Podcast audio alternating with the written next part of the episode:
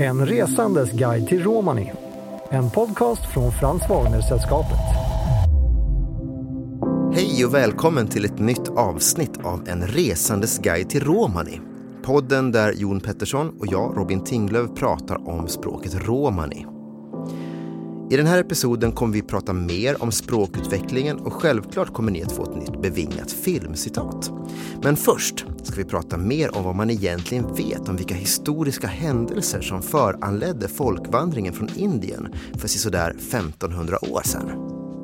Man vet ju till exempel att det var ett, eh, alltså många krig runt 1000-1100-talet och även senare, men som det hände att det var någon eh, muslimsk härförare som hette eh, Mohammed al-Ghazni, tror han hette, eller Ghazni, som eh, anföll Indien och liksom utplånade flera kejsardömen där, så folk fick fly därifrån och en del blev förslavade och, och så som det, som det ser ut i dåtidens krig. Eh, där är en forskare, en lingvist, som heter Marcel Cotillade som har skrivit något, eh, någon akademisk artikel där han menar att han kan knyta en utvandring till något furstendöme som heter Kanui eller någonting i den stilen. Eh, och att då de har lämnat landet. Och om det stämmer eller så är det väl inte tillräckligt med forskning på. Han har fått viss kritik och ja, kanske någon erkänner det här. Jag, jag vet faktiskt inte mer, jag bara läste. Men eh, där finns en annan lingvist som heter Ian Hancock.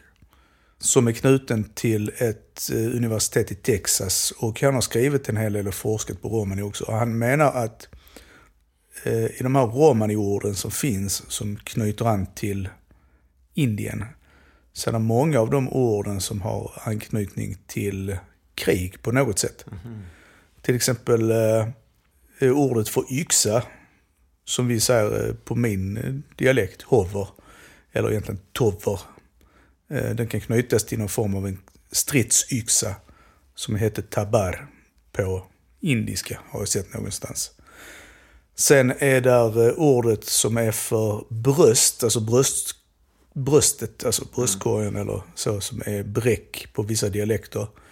Eh, ska visst betyda ett bröstharnesk. Mm. Och det är flera olika sådana saker.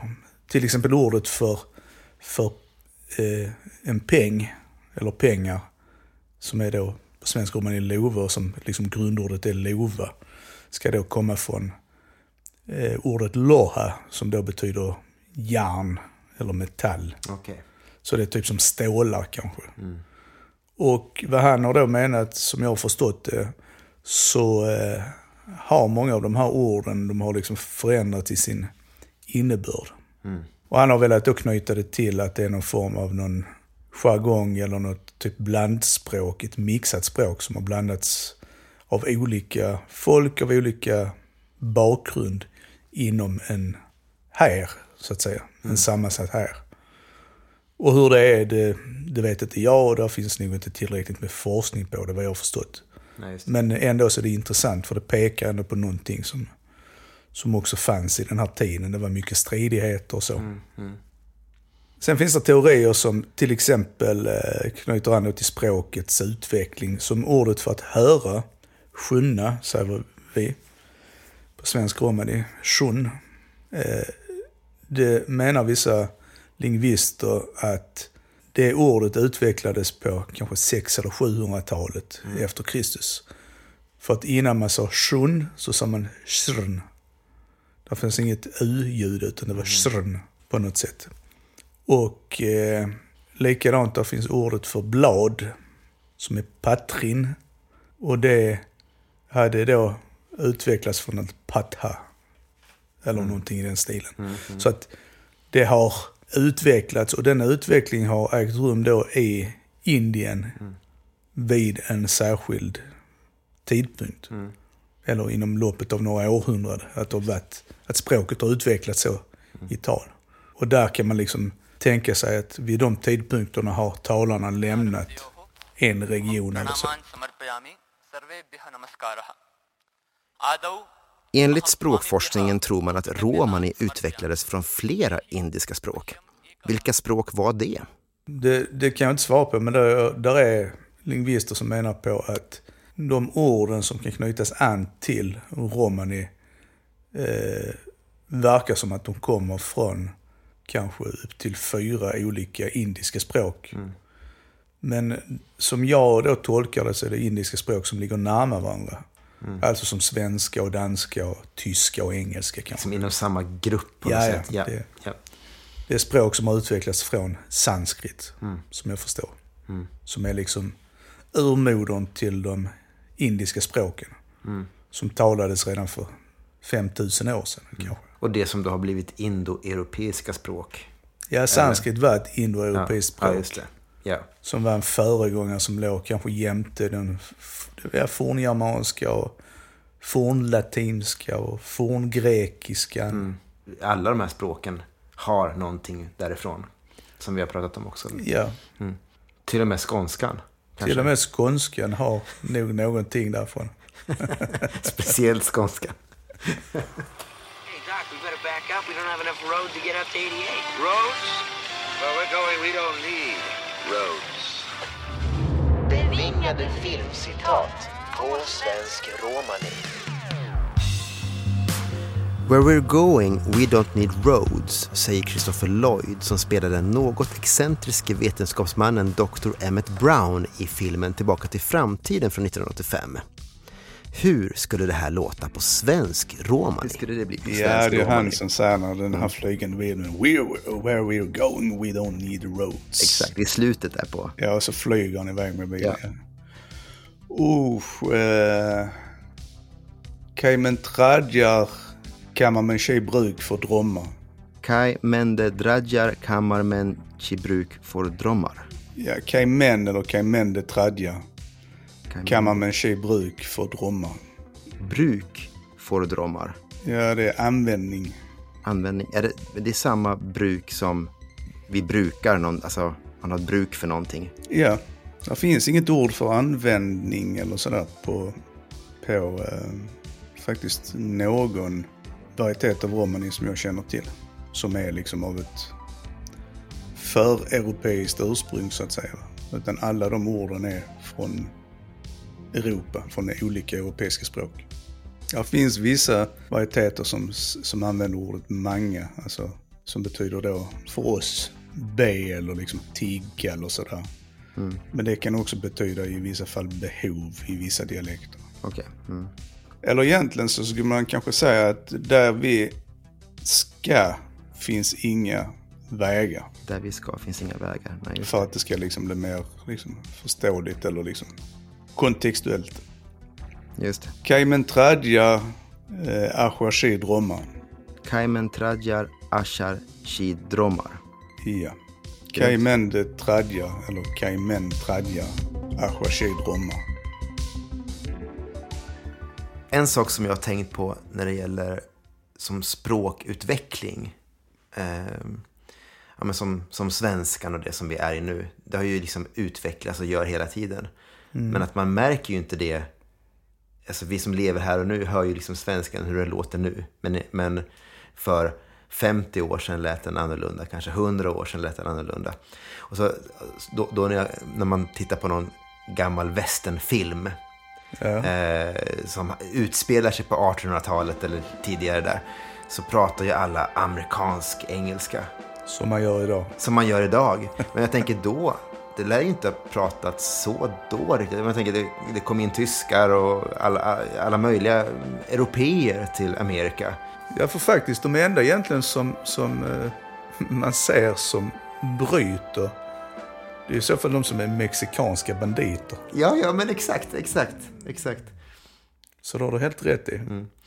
Och om man ser det som en parallell då till språkutvecklingen och det vi pratar om i programmet här med romanin och allting så förstår man ju att det, det är en lång utvecklingsprocess och att det har inte varit samma hela tiden eller det, det har påverkats från olika språk och Ja, och det är det som är, tror jag, att det ser ju givetvis ut olika för olika varieteter. Om vi tittar på de valakiska varieteterna som har kommit till säg, dagens Rumänien på 1300-talet. Och man har talat rumänska som då också har varit språk som liksom har utvecklats genom historien, givetvis. Men man har liksom påverkats av ett och samma språk kanske under väldigt lång tid. Då gör du ju en sak med språket. Men om man har många olika språk som har påverkats ens romani, då blir det ju ett helt annat resultat. Och har man då, som till exempel, vi kan ju se i historiska källor att det finns de som, det finns till exempel en kvinna som vi har följt i olika rättegångar och sådär i början på 1700-talet som säger att hon är född i Tyskland. Hon talar tyska, hon talar franska, hon talar svenska, hon talar romani och eh, hon slutar sitt liv egentligen i Finland. Så då kanske hon talar finska också. Och då kan man ju se där att den romanin som har talats liksom i den här direkta familjen, den har säkert påverkats då före det att de kom till Sverige från tyskan och franskan och hennes föräldrars generationer, givetvis från de här språken. Kanske även då från kanske polska eller andra sådana här, det fanns ju slaviska språk som också talades i dagens eh, Tyskland. Som sorbiska till exempel, som är språk som är ganska okänt. Men det är ett slaviskt språk. Och då så blir det påverkan, kanske att man lånar ord från de här språken eller påverkat liksom grammatikalt. Eller hur man liksom uttrycker vissa saker.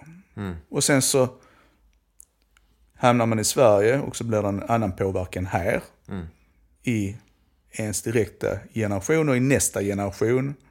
Och i de kommande generationerna. Då från finskan och från svenskan.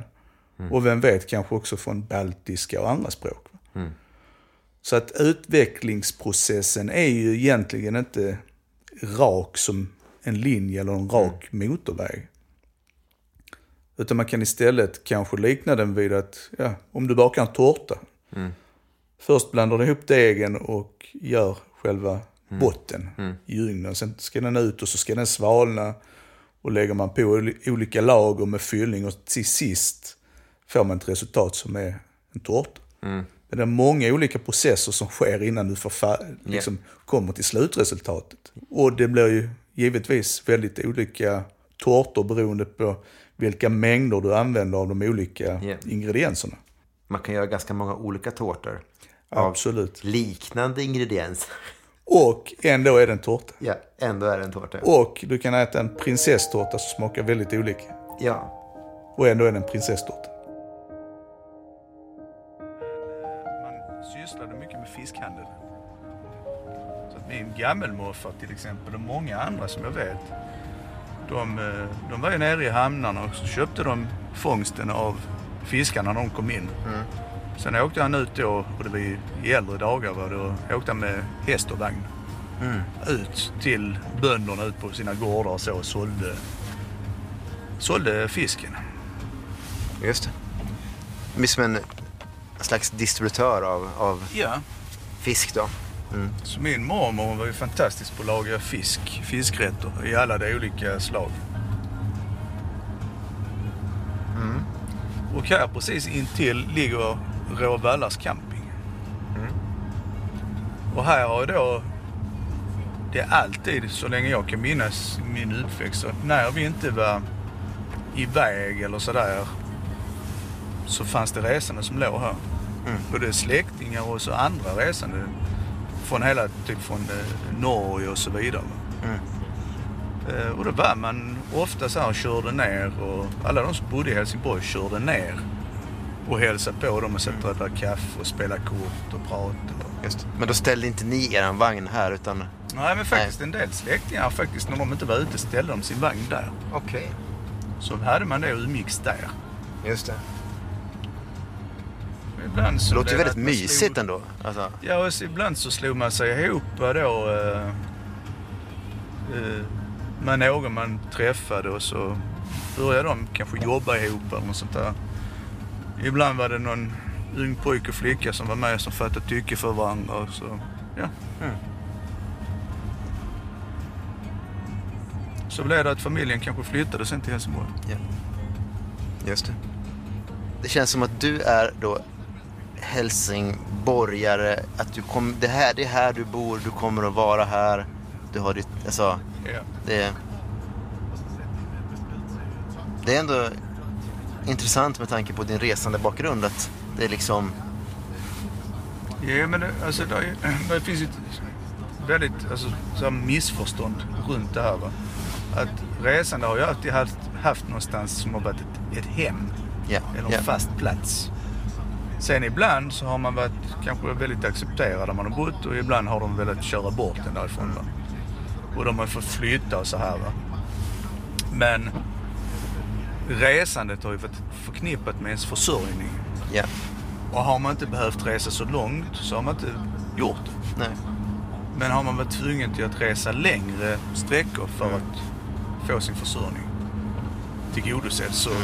så har man fått resa längre. just det. Så att egentligen svårare än så är det Nej. egentligen inte. Nej. Men sen förvisso när man pratar om hur folk talade för liksom tusen år sedan eller 1500 år sedan så blir det så ogreppbart och oförståeligt och liksom abstrakt. Ja. Jag kan ju knappt tänka mig hur man pratade för liksom 150 år sedan eller 200 år sedan. Om du läser en svensk bok eller någon engelsk eller vad det nu är och läser texter som är skrivna för 200 år sedan. Så i vissa fall så är de ju knappt förståeliga. Nej. Så att, och då har vi det skrivna ordet. Ja. ja. Och hur lät det? Ja, hur lät det då? Man brukar väl säga att isländska är något sånt där eh, urnordiskt va? Ja, det är det väl för att eh, islänningarna härstammar ju från vikingar som lämnade Norge, som jag förstått, och tog sig över till Island. Just det. Och levde sen där ganska isolerade. Och där finns det inga resande på Island. Inte vad jag vet. Nej. Ni får höra av er i så fall. Om ni... ja, nej. Men det är intressant med det isländska språket också för att de, när de tar in nya, språ- nya ord i sitt språk, typ som dator eller tangentbord eller så, så formulerar de nya ord utifrån sitt befintliga språk. Så om de då har ett tangentbord exempelvis, så, nu kan jag inte exakt för jag kan inte isländska, men vad jag läst om det så, så, så översätter de det till knappbord till exempel. Men är inte lite samma som även romanen gjorde på vissa? På Romani har man gjort exakt likadant under väldigt lång tid. Man har skapat av det befintliga språket man har, antingen hur det ser ut eller hur det används. Så det är en sak man behöver ha med sig i den språkliga revitaliseringen av romani. Och ha en förståelse för hur man har gjort tidigare. Till exempel ord för flaska finns det flera olika. Det finns byta linsa till exempel. Som är egentligen samma som butelj eller eh, så vidare. Eh, men det finns också ett eh, ord som är pavani eller pabani egentligen. Typ Och- pava eller? Pava, precis. Pava. Och pava är en förslangning av pavani eller pavania. Och eh, det är egentligen ett adjektiv av ordet äpple. Som är pab. Så det är äpplig. Och om du tänker på att om du har sett gamla flaskor som man gjorde på 1700-talet så. Just det, de hade... Så var de oftast runda med en väldigt liten hals. Just det, som en liten... Ja, men ett litet Som, som ett litet äpple. Ja. Just det, en Så att de var äppellika till formen, eller äppliga. Äppliga, ja vad häftigt. Ja. ja, intressant. En äpplig pava Ja. Med calvados. med calvados. Ja, men ja. Du har hört ett avsnitt ur poddserien En resandes guide till Romani. Producerad 2023 av Tinglöv Optimus för Frans Wagner-sällskapet. Vill du veta mer, gå in på www.franswagner.org.